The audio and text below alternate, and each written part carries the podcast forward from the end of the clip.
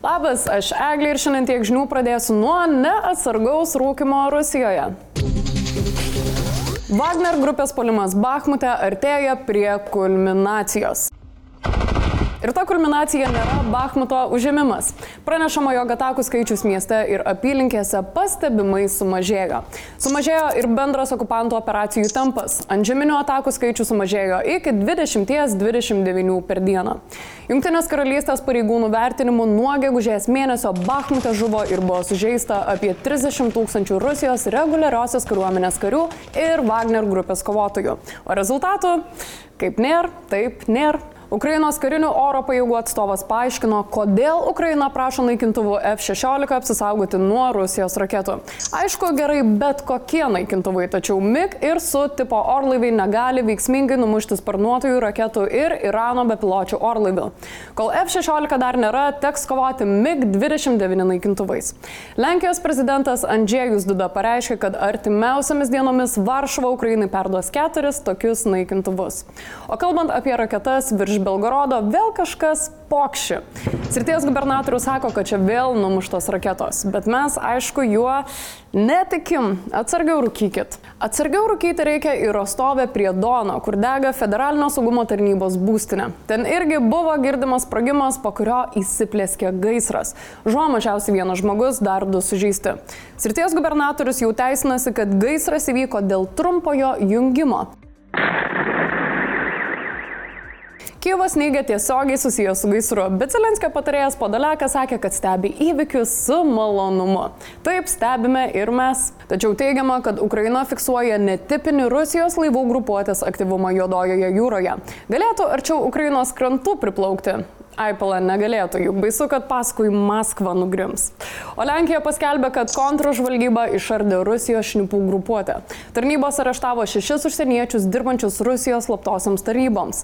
Manoma, jog pirminis jų tikslas buvo stebėti ginklų tiekimą į Ukrainą. Užbaigti šiandien noriu priminimu. Lygiai prieš metus Rusijos karinės pajėgos numetė aviacinę bombą ant Mariupolio dramos teatro, kuriame nuo karo slėpėsi žmonės. Smūgis pražudė daugiau nei 600 žmonių.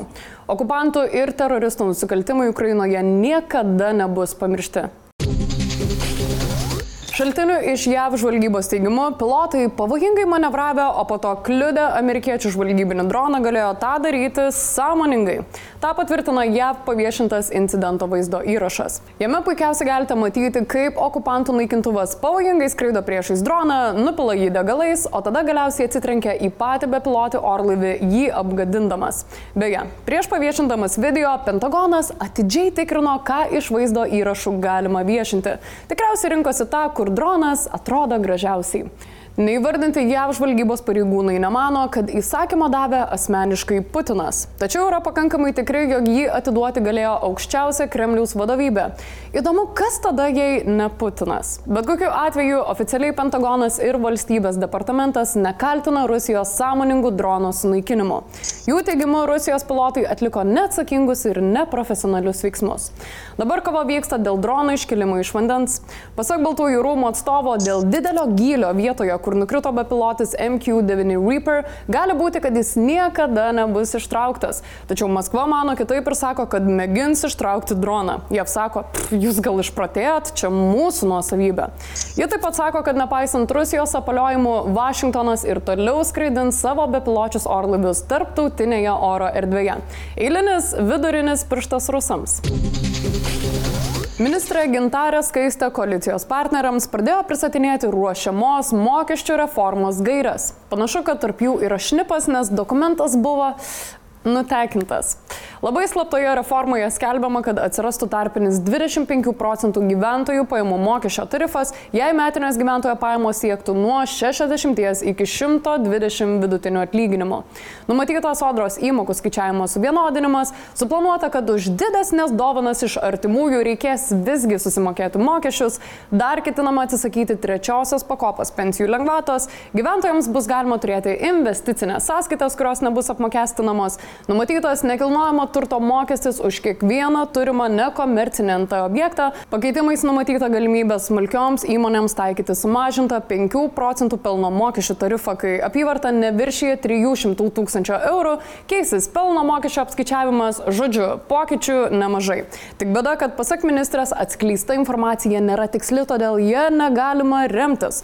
O tas nutekintojas Manau, kad tie žmonės, kurie nutekina informaciją, kuri yra netiksli, turėtų prisimti atsakomybę už savo tekinamus skaičius. Manau, kad visuomenė bus supažindinta su visų paketu. Tik visuomenė jau brusda. Net koalicijos partneriai pradėjo kalbėti, kad gal reikia netemti gumos ir kuo greičiau viską atskleisti, kad būtų išvengta įtampos. O laisviečiai dar neapsisprendė dėl reformos palaikymo. Net jei tai nėra galutinis variantas, bent jau prasidėjo vertinimas. Dubnikovas kritikuoja reformą, nes eilinį kartą gauna gauname nuotrupas. Pasak jo, iš valdžios trūksta dialogo. Pasak Lietuvos buhalterių ir auditorių asociacijos vadovės Daivas Čibrienės pasiūlymai neatrodo baisiai, bet nematome detalių. O būtent ten slepiasi velnės. Jo ekscelencija iš vis atsisako vertinti reformą, nes kol kas tai tik gandai, nuotrupos ir paplepėjimai. Nuo profsąjunga nerimauja, kad gaus Mokestinį Frankensteiną.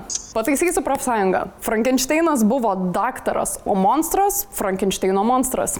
Bet laukti, koks monstras išlys, liko nedaug. Jau kitą savaitę pamatysime valdančiųjų kūrinį. Jei dar nemirštate iš nuobodulio, tuo jums padėsiu.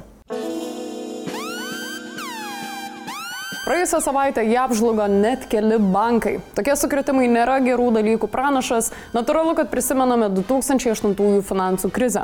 Bet ar dabar tikrai viskas taip blogai? Praėjusį trečiadienį veiklą sustabdė į kriptovaliutas orientuotas JAV bankas Silvergate. Penktadienį bankrutavo startuolių finansavime svarbus žaidėjas Silicon Valley Bank, sekmadienį uždarytas didelis New Yorko kriptovaliutų sektoriaus skolintojas Signature. Kaip tai paveiks Lietuvą? Finansų analitikas Marius Dubnikovas sako, ateinantis du mėnesiai bus kritiniai. Jei situacija per juos išsispręs, Europa gali tęsti infliacijos valdymo palūkanų kelimu. Vadinasi, Euriboras gali pasiekti 5 procentus. Jei ne, palūkanų didinimas bus kiek atidedamas. Ekonomistas Žygimantas Mauricas ramina, kad Lietuvoje yra sudėliota daug saugiklių, todėl krizės turėtume išvengti. Ir finansų ministrė Gintarė Skaista sako, po 2008 krizės Lietuvos bankų sistemos rizikos buvo užkardytos. Europoje irgi vyksta dalykai. Šveicarijos bankas Credit Suisse paskelbė, kad pasiskolins iki 54 milijardų dolerių iš centrinio banko po to, kai jo akcijos smuko. Na ir žinoma, dėl ją bankų žlugimo atsitraukė kiti pagrindiniai Europos skolintojai. Panašu, kad žingsnis geras, nes rinkos jau reaguoja ir atsigauna. Taigi, Krizės gal ir nebus, bet su palūkanom irgi gerų žinių nėra. Europos centrinis bankas palūkanų normas dar padidino 0,5 procentinio punkto. Bankas akcentuoja, kad infliacija eurozonoje išlieka vis dar per didelė. Eh, matyt, nespėjot nulėkti iki banko ir užsifiksuoti palūkanų. Blitz naujienos. Parlamentarai paskyrė tris naujus Konstitucinio teismo teisėjus. Jais taps Seimo teisės ir teisėtvarkos komiteto pirmininkas Tasys Šatbaras, mokslininkas Tomas Davulis ir aukščiausiojo teismo teisėjas Aurelijus Gutauskas. Šatbaro kandidatūrą opozicijai vertino kaip politinį paskirimą. Konservatorių frakcijos atstovas įme pakeis Rasa Petrauskinę. Tadadadam. Šiaulių apygardos teismas apeliacinė tvarka išnagrinės bylą už Seimo nario Tomo Vytauto Raskevičiaus niekinimą dėl jos seksualinės orientacijos. Beveik 3000 eurų bauda nuteisė Robertą Bują. Vyras nuteistas už tai, kad pernai Facebook'e viešoje Raskevičiaus paskyroje po nuotrauką pavadinimu Meilė yra meilė viešai parašė niekinantį komentarą. Tadadadam. Iš anksto Vilniaus mero rinkimuose balsavęs prezidentas Nausėda sakė, iš naujo mero besitikintis daugiau darbų ir mažiau kalbų. O balsavusi premjerė Šimonytė sako besitikinti, jog po ilgo laiko sostinė turės merą konservatorių. Ji taip pat sakė, kad anykščiuose ir visagine susiklošiusi situacija yra apmaudi. Bet dėl to kaltinti vien VRK negalima. O pasak Nausėdo, šis chaosas yra blogiausia, kas gali atsitikti rinkimų metu. Tadadadam. Jei nežinot, ką žiūrėti šiandien, tai 19 val. žiūrėkite Laisvės TV lemiamus debatus Benkunskas prieš Zuoką. Nuo mūsų ofiso pažibalokis labai laimingas. Kodėl? Nes šukės neša laimę. Ai, ir nes kukulius pavogė iš lėkštės. I don't give a fuck what you say Yeah, I'ma do shit my way. So you can go kick rocks, I'ma stack bricks up, build what I want to make. Yo, got a lot of shit to say, so I'ma do this every day. I'll be writing things until I'm fucking buried in my grave. Six feet deep under, but my. Komentarų metas. Kaip supratau iš vakar komentarų požinėmis, Olego performances įme jums paliko malonų įspūdį. Kaip ir tiek žinių naujovė, tadadadam, dėl šito itin malonu. Užtat nemalonu dėl Gedimino Rudoko komentaro. Ta prasme, mes tiek metų jau gyvuojam ir darom turinį, o jums vis dar neaišku, ar mes esam konservatorių kanalas. Visi jau žino Gediminai, susijimkit. O jeigu dar neprabalsavo, tai irgi susijimkit. Ta prasme, nueikit balsuoti sekmadienį, nesėdėkit namuose. Ačiū ir šiandien tiek žinių. Čiau.